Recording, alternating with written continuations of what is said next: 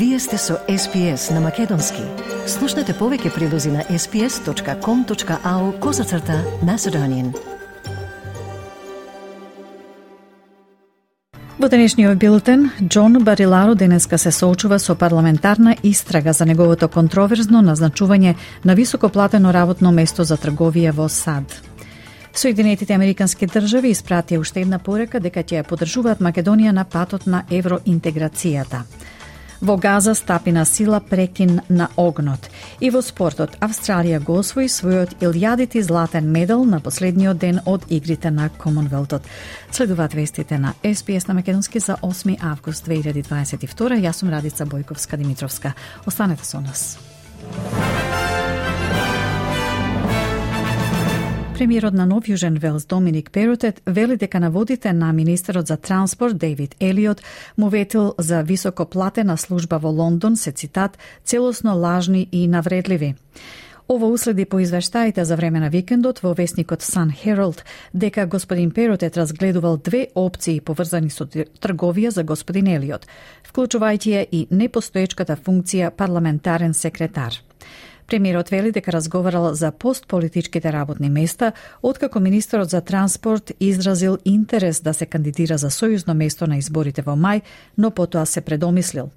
Премиерот Пероте изјави за радиото Туджиби дека разговорите не биле надвор од обсегот на неговата улога како премиер, туку биле вообичаени дискусии што еден премиер ги има со членовите на својот тим. The allegations in relation to the creation of a role that I would give to somebody outside politics is completely false um, and offensive. And uh, in, in, in, from time to time, uh, members of parliament, when they're seeking to leave parliament, will talk to colleagues in relation to what they m- might want to do next. Um, I'll have colleagues speak to me from time to time about what roles they could play in the New South Wales Parliament to continue to serve the people of New South Wales. They're natural conversations that a Premier or a Prime Minister has uh, with their team. Поранешниот заменик премиер на Нов Јужен Велс, Џон Бариларо, денеска се соочува со парламентарна истрага за неговото контроверзно назначување на високо платено место за трговија во Соединети во во трговија во Соединетите Американски држави. Истрагата разгледува како господин Бариларо добил работа од половина милион долари годишно во Њујорк, која тој самиот ја создал како заменик премиер. Државната опозиција рече дека сака да му постави прашања на господин Бариларо за неговата улога во создавањето на таа позиција, како и заменувањето на природата на таквите назначувања. Исто така сака да ја прошири истрагата за да ги разгледа и другите профитабилни трговски позиции во Нов Јужен Велс со седиште во странство, вклучително и тие во Токио и Лондон. Ова доаѓа по извештаите во медиумите дека премиерот Доминик Пероте му понудил посебна трговска улога на поранешниот министер за транспорт Дейвид Елиот за да компензира за неговото отфрлање од кабинетот. Министерот за трговија Стюарт Айрс ја загуби работата минатата недела поради неговата улога во скандалот. Комисијата за праведност на работното место размислува за зголемување на платите на вработените во секторот за нега на стари лица. Предлогот за зголемување на платите за работниците и во старските домови и при домашна нега ќе биде откриен во поднесокот до судијата за праведна работа. Лабористичката министерка Тања Плиберсек за каналот 7 изјави дека доколку комисијата ја донесе таа одлука, владата ќе ги најде потребните пари и ќе го финансира зголемувањето на платите. Министерката исто така рече дека треба да се земе предвид дека вработените во секторот за нега на стари лица заработуваат само 22 долари на час, додека повеќе се заработува, како што рече таа, за пополнување на рафтовите во супермаркетите, отколку да се грижите за некои од најранливите австралици. We have uh, said as a government that we will um, fund that decision. So if it flows through as increased wages, uh, as the biggest contributor to uh, supporting aged care, the government will find the extra money we need. You've got to think about um, what aged care workers are earning at the moment. They're earning as little as $22 an hour. So you can literally earn more stacking shelves at a supermarket than mm. caring for some of our most vulnerable Australians. We do need to see a wage increase. Денеска во Нов Јужен Вел се започнува вакцинацијата за вирусот мајмунски сипаници.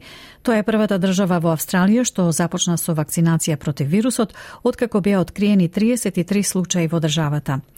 Вакцината најпрво ќе им биде понудена на високоризичните групи, вклучително и на мажите кои имаат сексуални односи со мажи.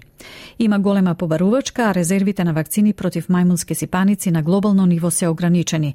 Бројот на лица заразени со вирусот е 26.000 во 76 земји. Сојзната влада обезбеди набавка на вид вакцина против мали сипаници со цел да се спречи ширењето на болеста во Австралија, а првата серија од 22.000 вакцини треба да пристигне оваа недела. На Нов Јужен Велс, на здравството на Нов Јужен Велс му беа дадени 5.500 дози во првата фаза на употреба, а уште 30.000 се очекуваат во Австралија на крајот на септември. Во целата земја има вкупно 60 потврдени случаи, 22 од нив се во Викторија, два во австралиската главна територија и по еден случај во Квинсленд, Јужна Австралија и Западна Австралија. Се верува дека сите тие инфекции, освен две, се стекнати во странство, но властите велат дека веројатно ќе има зголемување на локалниот пренос. Заменик лидерот на Зелените Мехрин Фаруки вели дека австралиските политичари не треба да се откажат од своето државјанство во други земји за да се кандидираат за сојузниот парламент. Според делот 44 од Уставот на Австралија, двојните државјани не можат да се кандидираат за парламентот. Господица Фаруки пристигнала во Австралија од Пакистан во 1992 година со сопругот и синот и се откажала од пакистанското државјанство за да може да се кандидира. Таа за SBS News изјави дека при пополнувањето на формуларот се чувствувала како да е присилена да се откаже од своето потекло, историја и култура и дека е тешко искуство низ кое никој друг не би требало I thought it would just be like an administrative thing, but as I was filling out that form, writing out the history of my family, you have to talk about your parents and your grandparents. I just felt as if I was being forced to give up my birthright, um, you know, to give up my history and my culture. So I actually filled out the form, I signed it, and I put it in my drawer. It was that hard for me to actually submit that form. Соединетите Американски држави ќе подржуваат Македонија во низините напори за реформи со цел процесот на евроинтеграција да се движи брзо, изјави во петокот Габриел Ескобар, заменик помошник на државниот секретар на САД, задолжен за Европа и Евроазија. Одговарајќи на новинарски прашања, Ескобар укажал дека Македонија е голем билатерален партнер и извонреден сојузна, сојузник во НАТО.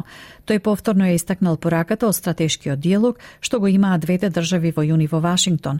Иако Ескобар рекол дека за САД јазикот и културниот идентитет на Македонија не е прашање, на брифингот, Брифингот говорејќи за историската, културната и економска припадност на македонците, сепак ја употребил придавката Северно македонци. Анджела Прайс Агелер е новата амбасадорка на САД во Македонија. Таа ќе ја замени Кейт Мери Бернс, која ја извршува функцијата од 2019 година.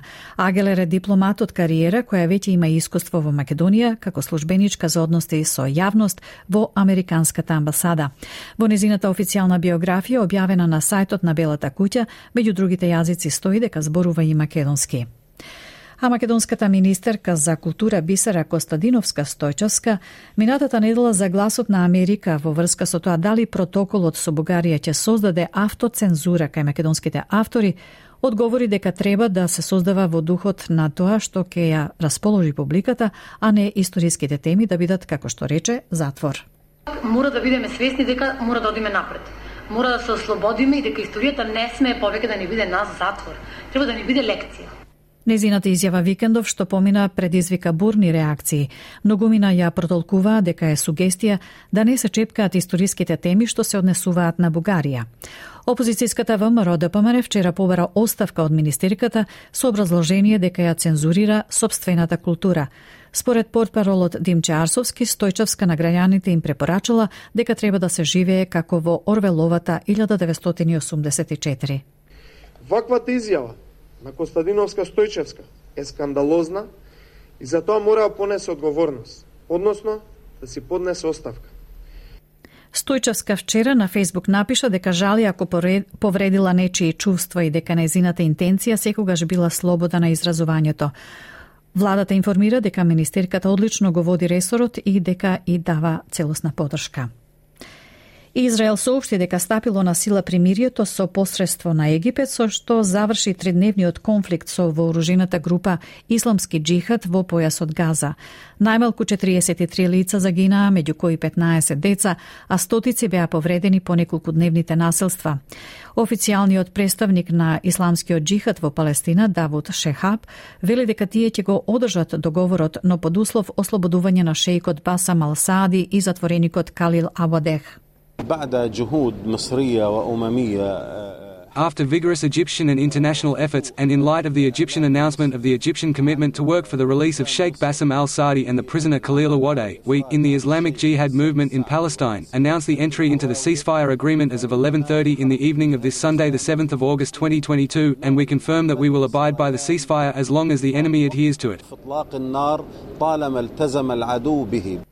И во спортот, Австралија го освои својот илјадити златен медал на игрите на Комонвелтот со победа во кошарка за жени. Австралискиот тим Диаманти го добија над преварот против Јамајка со 55 спрема 51. Тренерката Стеси Маринковиќ за Канал 7 рече дека победата е горд момент. And obviously representing Australia is just um, just astronomical, but to be able to secure that thousandth goal um, and against Jamaica, who were playing well, and you know the crowd certainly wasn't with us, and I think to absorb that um, pressured moment, yeah. have the rotations that we did, it's just exciting.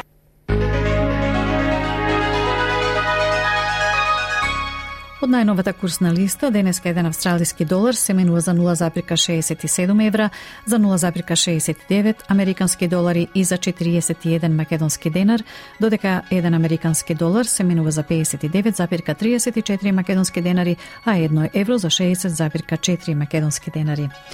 Накоси временската прогноза за главните градови за утре, вторник, 9 август. Перт врнежливо, максималната ке стаса до 15 степен. Аделаид претежно сончево 18, Мелбун делумно облачно 14, идентично и за Хобарт делумно облачно 14, Камбера утренска слана, а потоа претежно сончево 14, врнежливо за Сиднеј максимално 16, Бризбен претежно сончево 21, сончево и за Дарвин 33, сончево и за Алис Спрингс со максимално до 27 степени.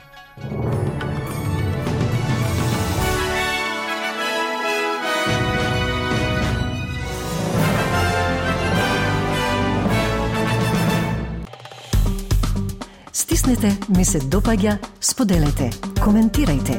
Следете ја SPS на Македонски на Facebook.